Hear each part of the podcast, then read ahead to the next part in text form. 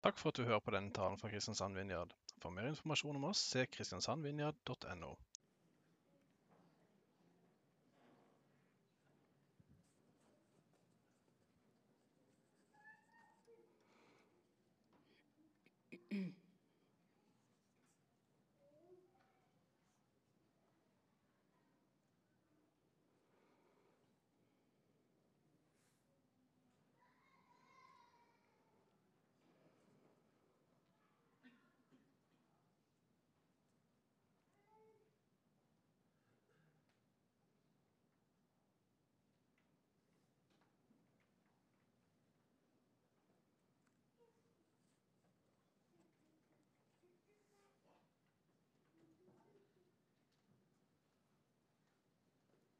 Er du tørst?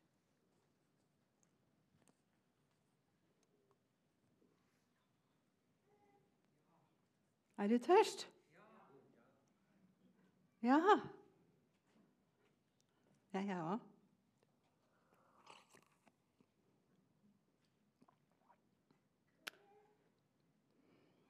Noen ganger så har vi ikke så mye tørst.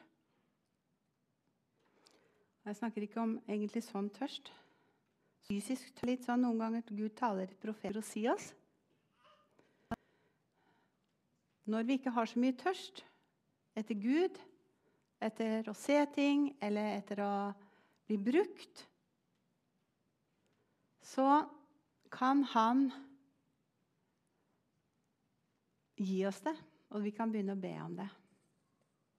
Det er en kombinasjon, et samspill mellom Han. Det er Han som virker i oss både etter å ville og gjøre.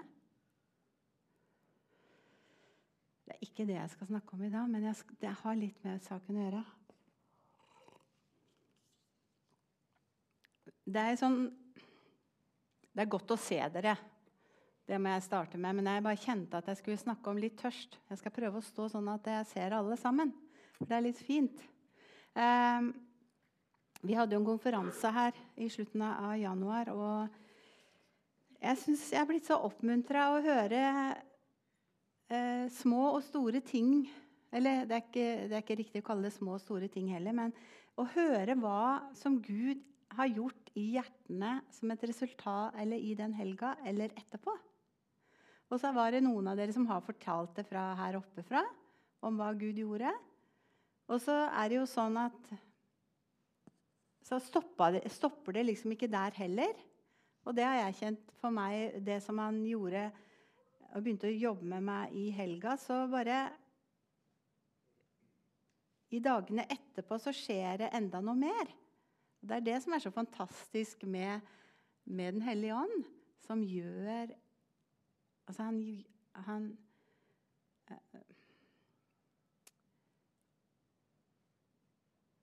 Han gjør noe i dypet av oss når vi tillater ham. Det er jo også at vi sier ja. Noen ganger er det vanskelig. Men det er så, det er så oppmuntrende. Samtidig så Og godt. Eh, samtidig så er det jo mye uro som vi alle sammen kjenner til. I Ukraina og mye nyheter. Og mange er engstelige og bekymra. Jeg er bare så takknemlig og glad for at Jesus møtte meg for mange år siden. At jeg har en som ønsker å Som er, bor i meg, som ønsker å si noe, som ønsker å spille på lag med sine barn. Det er bare så fantastisk. Og jeg er litt sånn, Når jeg tenker virkelig, slipper den tanken inn, så tenker jeg på det er, det er forferdelig å tenke på alle de som nå blir virkelig rokka, fordi de har ikke, de står ikke på fast grunn. De har ikke noe De har ikke en gud som de på en måte kan sette sin tilflukt til og leve med. Men det åpner jo også eh, mange muligheter for oss som jeg tror Gud har. Så det som jeg ja, Dere som kjenner Torbjørn og meg, så, så, har vi jo veldig sjelden Vi har av og til serier.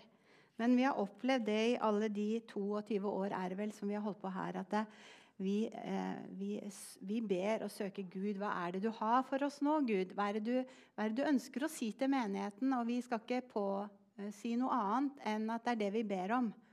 Og så er Gud så trofast at han gir oss eh, tanker og leder oss til tema etter tema. Og det har bare vært så, så utrolig flott og trygt. Og når jeg skulle forberede meg, så så var det noen ting som, som, han begynte å gi tanker om. Og jeg tenkte ja, men åssen skal jeg gripe det an? Jeg vil ikke si helt hva det er enda, fordi at jeg sjøl, ganske et par-tre år etter jeg ble kristen, nei, kanskje fire, så vi var i hvert fall ganske nygifte, og så var det en predikant på bedehuset, og han sa eh, han, eh, Det var vel han som var med når du ble kristen, tenker jeg.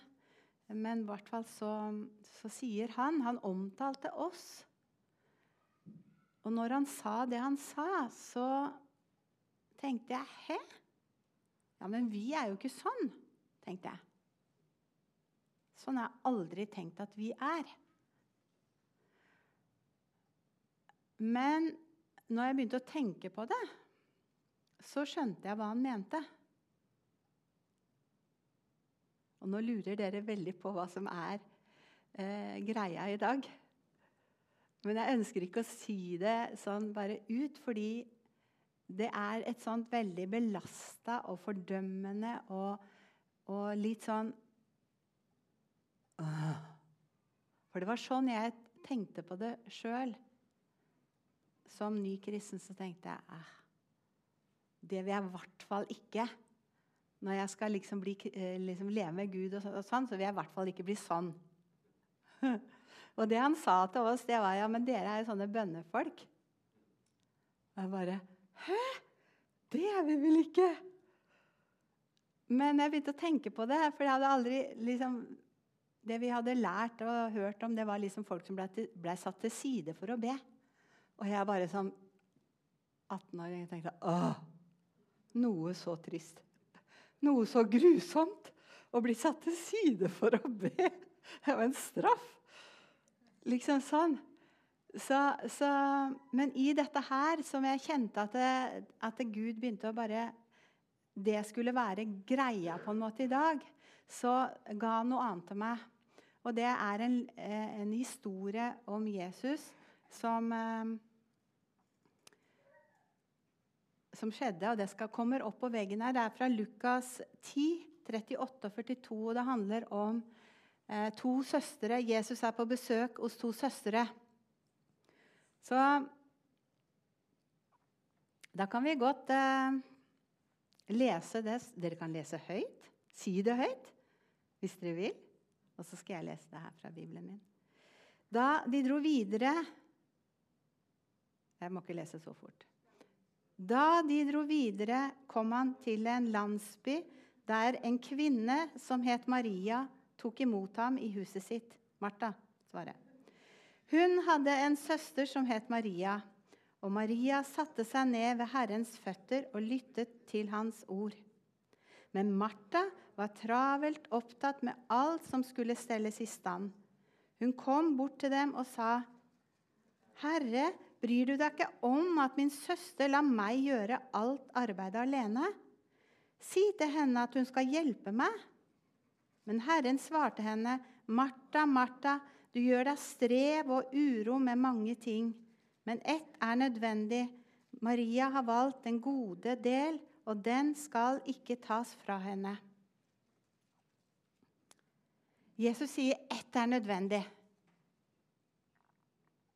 Og det betyr at han sier det er lite som er nødvendig.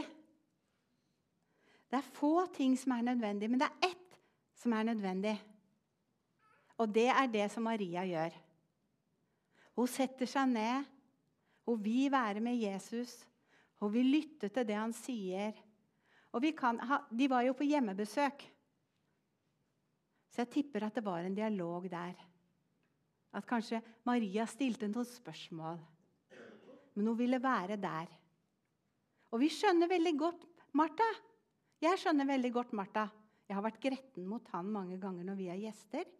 Ikke mange ganger, da, men liksom Kom igjen, Torbjørn, du skravler så fælt. Kom igjen og hjelp. Ikke sant? Og Maria var litt der.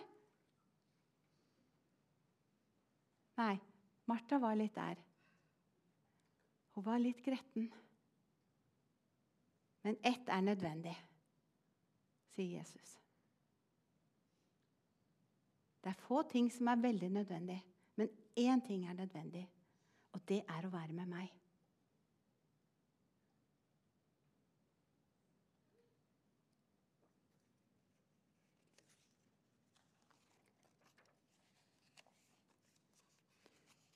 Noen ganger så er vi så travelt opptatt med å gjøre ting for Jesus at ikke vi ikke tilbringer så mye tid med han. I hans nærvær og det som kalles å være i bønn.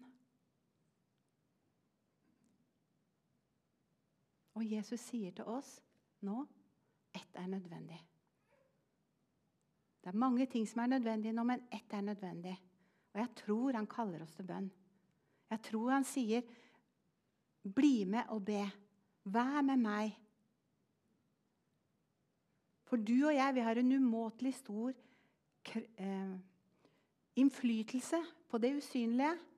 Når vi er med Jesus, når vi ber, så skjer det ting. Og jeg tror det er Noe av det som er det vanskeligste for oss mennesker, det er å sette seg ned og be. Det er kamp rundt det, fordi vi ser ikke synlige resultater. Men bønn produserer kraft. Det mobiliserer.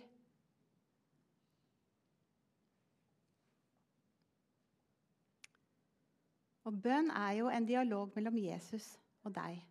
Jesus og meg. Jeg spør Torbjørn noen ganger når vi er ute og går tur, og sånn, så sier jeg 'Har Jesus sagt noe til deg i dag', da? Så sier han Nei, det er vel kanskje jeg som har skravla mest. Og sånn er det jo. Vi øser ut vårt hjerte for Gud. Men det er også viktig å være litt stille, sånn at han slipper til. Og kan få si noe til oss. Og kan få si noe og dele noe til oss.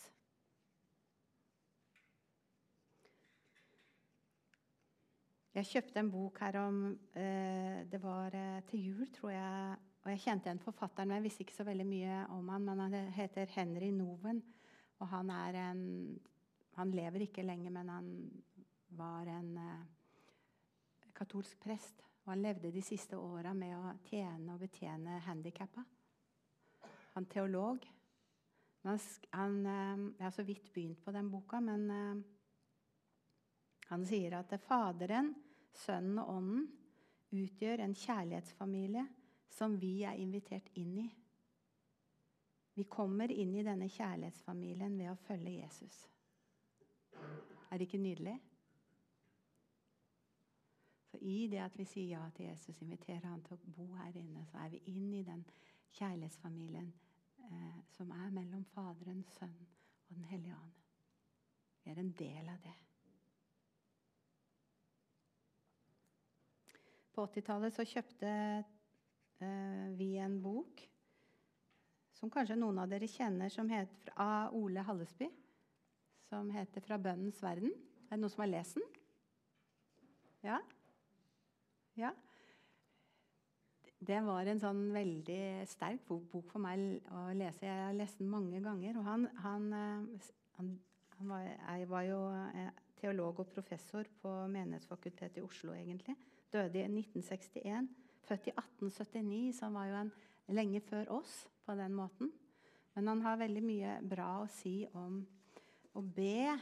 F.eks. det er å lukke Jesus inn. Akkurat som i åpenbaringsboka hvor Jesus står for døden og banker. Om noen, åpner, eh, om noen hører min røst og åpner døren, så vil jeg komme inn. Så det er den det.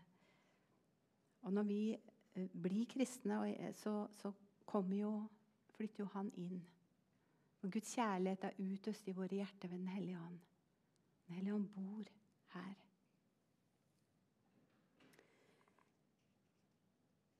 Den luft, Vi har jo luft rundt oss.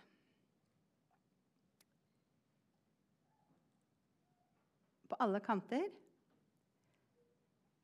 Og den vil selv inn i oss. Det er verre å holde pusten enn å bare puste. Den, lufta vil inn. Ikke sant? Den gjør sin gjerning når vi puster. Du tenker ikke på at du puster. Og sånn er det med Jesus. Han går stille inn i hjertene og gjør sin gode gjerning der inne. Han bare er der. Og Jo mer vi eksponerer oss for han, jo mer gjør han. Han bare kommer.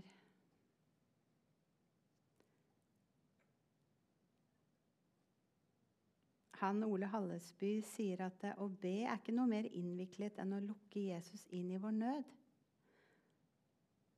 Å be er å gi Jesus adgang til å bruke sin kraft på vår nød. Å be er å gi Jesus adgang til å forherlige sitt navn på vår nød. Bønn er jo noe som går dypere enn ord, ikke sant? Bønn er finnes i sjelen, her inne, og er ikke avhengig av at vi former ord.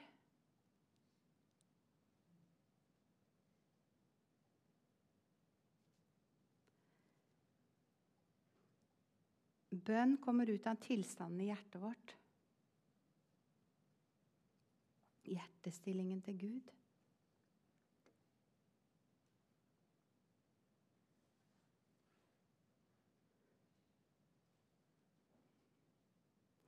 Ole Hallesby nevner det er to ting som er viktig, eller som, som, som har innflytelse på bønn. Det er hjelpeløsheten. Og Det er det vi tuller med noen ganger her når vi, når vi snakker om bønn. Så ber vi bare en bønn, og det var bare den utrolig viktige bønn vi ber, og det er hjelp! Hjelp! Gud, vi trenger hjelp! Jeg er desperat, jeg har ikke noe svar. Grip inn! Hjelp! Jeg kan ikke noe. Den, den derre der hjelpeløsheten vår. Og som, som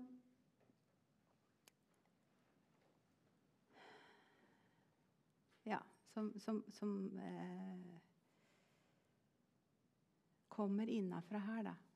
Kan, han, han eh, Hallesby sammenligner det med, med en mor som har en baby. Og babyen har ikke noe ord. Den bare kan ikke si en eneste bønn, allikevel så ber den.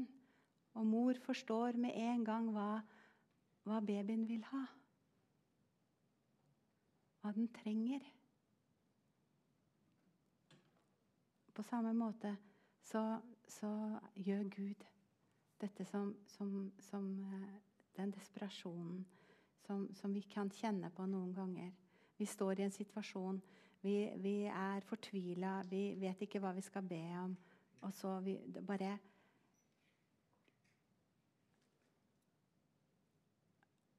Kommer svaret? Eller freden? Eller vi bare kjenner at han forstår oss, og at han er der? Og det andre er troen. Så hjelpeløsheten og tro det er det er Hvis man skal analysere hva bønn er, da, så er det det. Og så er det veldig mange som kjenner å tro. Ja, men tro? Jeg har jo ikke tro. Åh. Men tro, det er å komme til Jesus. Det er ikke noe mer komplisert enn det. Det er ikke å pønte seg og sminke seg og tatt på seg de fineste klærne eller gjort ditt og datt. Men det er å komme til Jesus.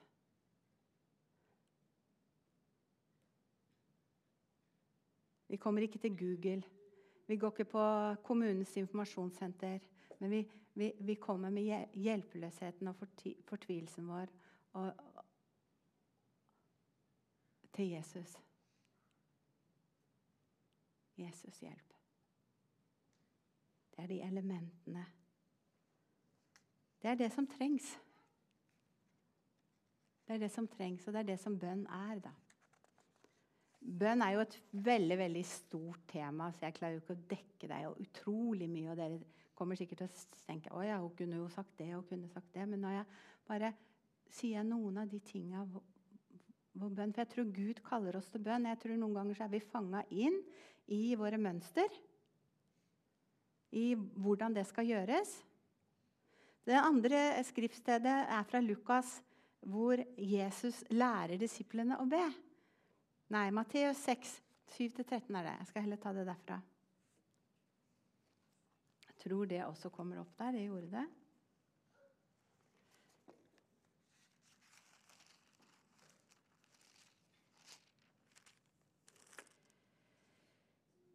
Slik skal dere da be.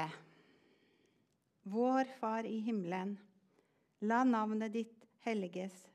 La riket ditt komme. La viljen din skje på jorden, slik som i himmelen.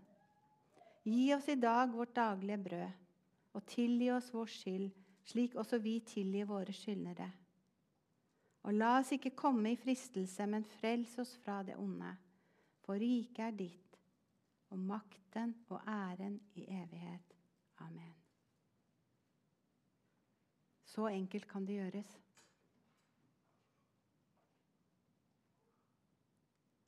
Jesus lærer oss å be.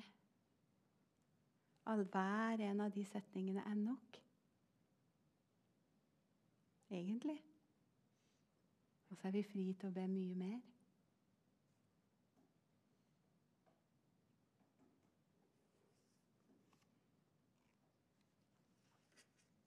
Det finnes mange måter å be på i Bibelen. De fleste sitter når de ber. Og jeg syns det er veldig vanskelig mange ganger å sitte når jeg ber. Fordi det som er, det er at det blir ofte litt sløv. Man klarer ikke å egentlig være med på det som Ånden gjør. Og Jeg hadde ikke tenkt så veldig mye på det før jeg begynte å lese litt om det. Jeg tenkte ja, men det stemmer. Hvordan, hvordan kan vi bringe mer liv til det å be? Det er noe man kan øve seg i. Og det, man, Ofte så begynner man jo å øve hjemme.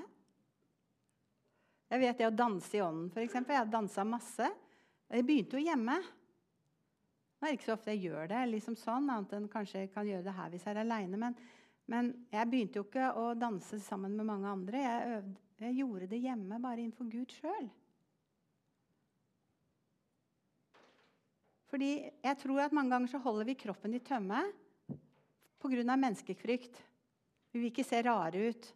Og første gangen jeg så folk som løfta hendene, tenkte jeg oi, det var da veldig spesielt. tenkte Jeg Jeg hadde ikke sett det før. Og så etter hvert når vi blir vant til det, så tenkte jeg å, jeg skulle ønske jeg også kunne løfte hendene. Kikka rundt meg. Er det noen som ser meg? Da jeg gikk helt bakerst. Så bare Litt sånn forsiktig. Ikke sant? Være fri.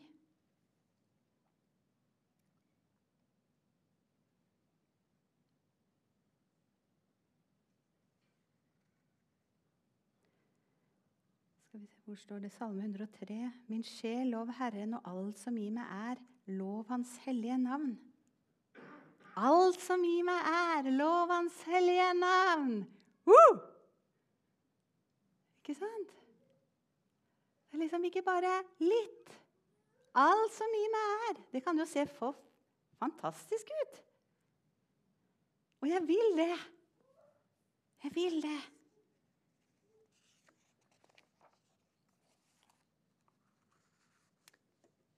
Knelene er noe vi kjenner til, kanskje. Knele ned for Gud. Jesus han kjempet i Getsemane. Da falt han på kne og ba. Daniel han falt på kne i sitt bønnerom og ba. Det er eh, stående, det vi gjør vi mange ganger. Vi står og ber, snakker med Gud. Hele Juda sto der for Herrens åsyn selv deres små barn, deres koner og deres sønner, står det i andre krønikebok 2013. Med løftede hender. Slik vil jeg love deg hele mitt liv. I ditt navn vil jeg oppløfte mine hender.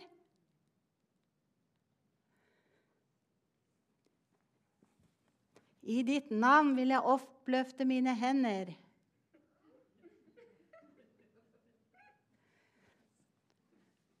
Jeg tror at vi har litt å gå på. Og ikke, ikke lovisk. Ikke sånn at det liksom sånn, men, men fordi at det er noe som løser ut det. Det er noe som løser ut det. Fordi vi er skapt i hans bilde. Han bor i oss. Og så er vi så redde for at noen skal synes vi er litt rare. Klok. Mm. Ikke sant? Men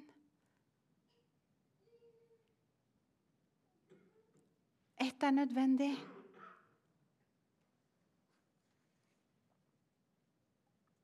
Løftede hender er også et tegn på renhet og åpenhet for Herren. 1. Timoteus 2,8 så står det jeg vil altså at mennene på hvert sted skal be slik at de løfter hellige hender uten vrede og trette. Og så har vi bønn med håndspåleggelse, som vi er mer vant til å gjøre, eller som vi er ganske vant til her. Vi legger hendene på folk og ber om helbredelse. Vi, det er åndsutrustning. Eh, og be for nådegavene. Sånne ting som vi praktiserer ganske mye. Så det er mange forskjellige. Men jeg vil bare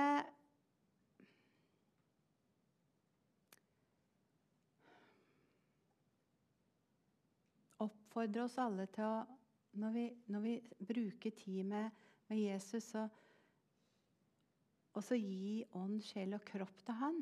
Det å, det å vokse i den friheten med også å bruke kroppen som et uttrykk for han. Eh, et synlig uttrykk for hva som skjer her inne, kanskje. Det er eh, Jeg tror vi har litt Jeg tror det er en velsignelse, da. Det er en velsignelse, og det er en åpning.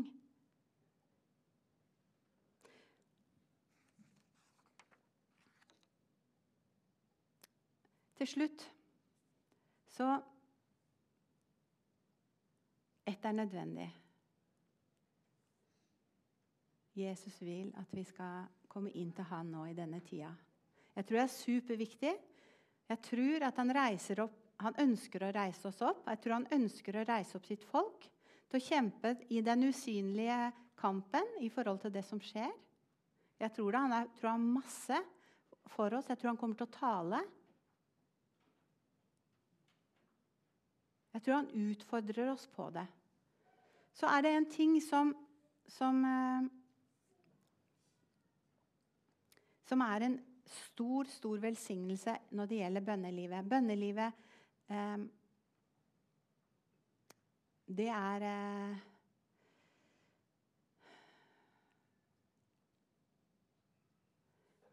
Bønn er praten med Jesus. Hva er det som hjelper deg til å tenke på bønn på en annen måte enn sånn som jeg tenkte? Det kan være å ta en kopp kaffe eller te, sette deg i godstolen og si 'Jesus'. Som jeg bruker mitt navn. Det er Tove. Jeg vil bare drikke kaffe med deg nå. Jeg vil bare ha det. Kom med ditt nærvær. Jeg vil være sammen med deg litt. Jeg har opplevd noen ganger i livet at bønn er, det er vanskelig å holde ut i bønn. Eh, vi, vi eh, ble ringt midt på natta. En av vennene våre eh, var på operasjonsbordet i Oslo på Rikshospitalet og holdt på å dø. Så ringte kona og sa nå er det ikke mer tilgjengelig blod igjen. Hun har fått masse blodoverføringer. Så, så hun sa nå må det et mirakel til. Kan dere be? Ja, vi sa ja til det, og vi sendte, ringte til venner og sånt. Alle var med og be. Men det som, da var det utrolig bra å ha det som jeg skal snakke om nå. Det er bønnetungene. Det er å be i tunger. Og det er, eh, det er en gave som Gud gir til alle sine troende. Det er eh, Når vi blir kristne og vi sier ja til Jesus, og han bor her inne, så får vi Den hellige ånd. Noen kaller det åndens dåp. Jeg vet ikke helt hva jeg skal kalle det. Jeg har gått fram til forbønn for det en gang. Eller flere ganger. Jeg syntes det var veldig strevsomt sjøl, for jeg skjønte ikke greia. Jeg tenkte, Gud, kan du ikke gi det til meg? Jeg vil ha det. Fordi Paulus sier at jeg skulle ønske at dere alle hadde det. Og da tenkte jeg dette må jo alle kunne få. når han sa det sånn. Men jeg skjønte ikke greia. Så jeg gikk fram til forbønn, og så fikk Torbjørn det litt før meg. Og jeg var skikkelig misunnelig. Jeg var gretten. Tenkte han, Hvorfor skulle han få det? Har han fortjent det mer enn meg? Jeg trodde det hadde noe med lang og tro tjeneste, eller at du var veldig hellig, eller sånne ting. Men eh, Så for meg så var det plutselig så Jeg er jo visuell, jeg ser veldig mye sånn ting i bilder. Og da så jeg bare noen ord som kom akkurat som en sånn film. Eh, og så bare sa jeg de. Det var det som var løsningen for meg. Det virka veldig dumt første gang jeg skulle be høyt i tunger, så han hørte det. Jeg syntes det var så pinlig. Det var så flaut. Tenkte det høres jo så dumt ut. Men tilbake til han som holdt på å dø den natta. Vi hadde ikke klart å be i våre egne ord annet enn 'hjelp, hjelp, hjelp', Gud, grip inn i alle disse timene. Men vi ba i tunger, og da kan du bare be. Da skjønner du ikke helt hva du, du Det står at du ba, snakker hemmeligheter med Gud ved ånden. Det er Den hellige ånd i kroppen som du har her inne pga. at du er kristen, som bruker tunga. Da blir det Noen ganger så et språk som noen skjønner. Men det er bare hemmeligheter med Gud. Det er ingen andre som skjønner det. Det er perfekt bønn. Og jeg er sikker på mange av dere har det. Noen har det, og så har de ikke brukt det på lenge, så det har ligget litt brakk. Men det er en kraft. Det er en utrolig gave i hverdagen. Du kan be i tunger når som helst, hvor som helst. Det har ikke noe med å være surrete i hodet å gjøre. Du er helt til stede. Du er her og nå. Jeg kan be høyt i tunger akkurat nå. Dere vet det, dere som har det. Men det er en gave som, som, eh, som Den hellige ånd eh, vil bruke. Og hjelpe oss til å be. Min mamma ble jo kristen når hun var noen og 50 år. Og hun hadde ikke noe fellesskap. Så hun, vi inviterte hun inn i vår husgruppe i Larvik. Så hun kom jo, da hver, eh, eller vi var kanskje hjemme hos henne også. Men hvert fall, hun hadde jo ikke vært kristen mange dagene før vi sa at det går an å få noe som heter bønnetunger. Å? Ja, det er sånn og sånn. Da kan vi bare be Den hellige ånd komme og løse tunga di. Så får du noen ord, og da kan du bare begynne å bruke det. Ja, ja men det vil jeg ha. Hun satt der så søt vet du, på stolen, og vi var jo bare unge folk på den gruppa. Og hun satt der. og så begynte vi å be høyt i tunger, og så, så begynte hun. Og da var det i gang. En kraft i bønn. Det er en gave. Så Noen har ett ord. OK, bruk det. Det vil bli mer språk etter hvert. Og det er ikke noe poeng at det skal være så veldig mye språk heller. Vi skjønner det jo ikke. Noen ganger så skjønner jeg det at det er krig. Skjønner at når jeg ber at det er krig. At det er noe som skal gjennombrudd.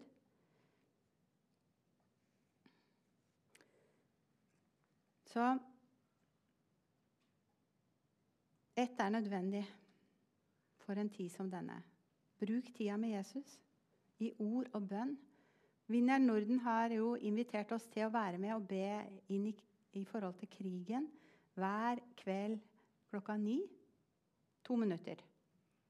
Men vi kan be mye mer enn det. Vi kan sette alarmen på tre ganger om dagen. To minutter. Det er så viktig. Han reiser sitt folk opp, og vi kan være med på det. Og han vil snakke med oss. Og Det andre spørsmålet, det er to spørsmål som jeg tenker på akkurat nå i denne situasjonen som vi er i. Det er hva kan jeg gjøre for Jesus nå? Er det noen rundt meg som er veldig urolig, som trenger faktisk å møte han? Fordi det er mer åpenhet når det er urolige tider. For de som ikke har fjell å stå på, de, de blir veldig rocka. De trenger, Det er mer åpenhet. Og det andre er hva er det vi som kirke kan gjøre i lys av Ukraina? Fordi det kommer flyktninger. Det kommer til å komme mange flyktninger. Vi har tatt imot masse flyktninger her før. Og vi kan begynne å be om Jesus, hva kaller du oss til? Vi kan begynne å mobilisere.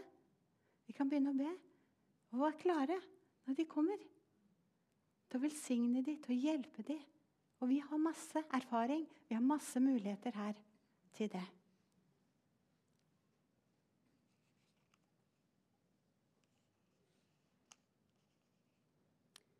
Jeg fikk et ord også. Eh, jeg opplevde Jeg skal ikke si noe om det, for det er ikke nødvendig. Men jeg, opp, nei, det kom. Det kom. Våkn opp, du som sover.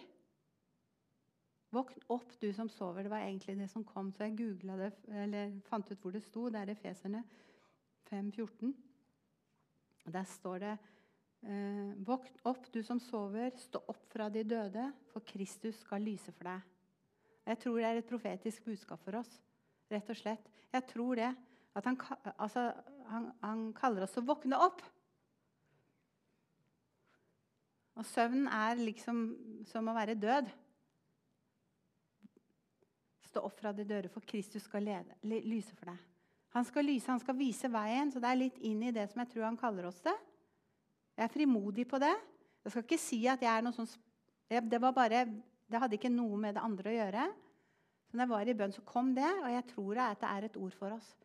Og vi må be om at vi skal våkne opp. Våkne opp. Fordi han har så utrolig mye som han har lyst til å bruke deg til. Hele, hele, alt ligger der inne hos deg. Det gjør det. Så bare vær frimodig. Nå skal vi Nå er jeg ferdig. Jeg har ikke sett på klokka. Jeg håper ikke jeg holder på altfor lenge nå. Har jeg det? Så hvis du vil ha bønnetungene, så kom fram, så skal vi be. Er du syk, er det andre ting som ligger deg på hjertet, så skal vi be for og med hverandre. Fordi han er her. Han ønsker å møte med oss, han ønsker å velsigne oss, han ønsker å gi oss mer av seg. Vil dere reise dere, så kan vi bare Hellige Ånd, jeg takker deg for at du bor i oss, og du kjenner oss så godt.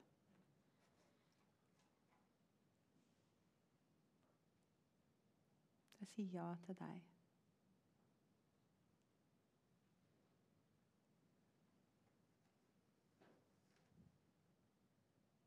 Vekk oss opp, Herre. Fyll oss med din kjærlighet og kraft. Mer av det. Amen.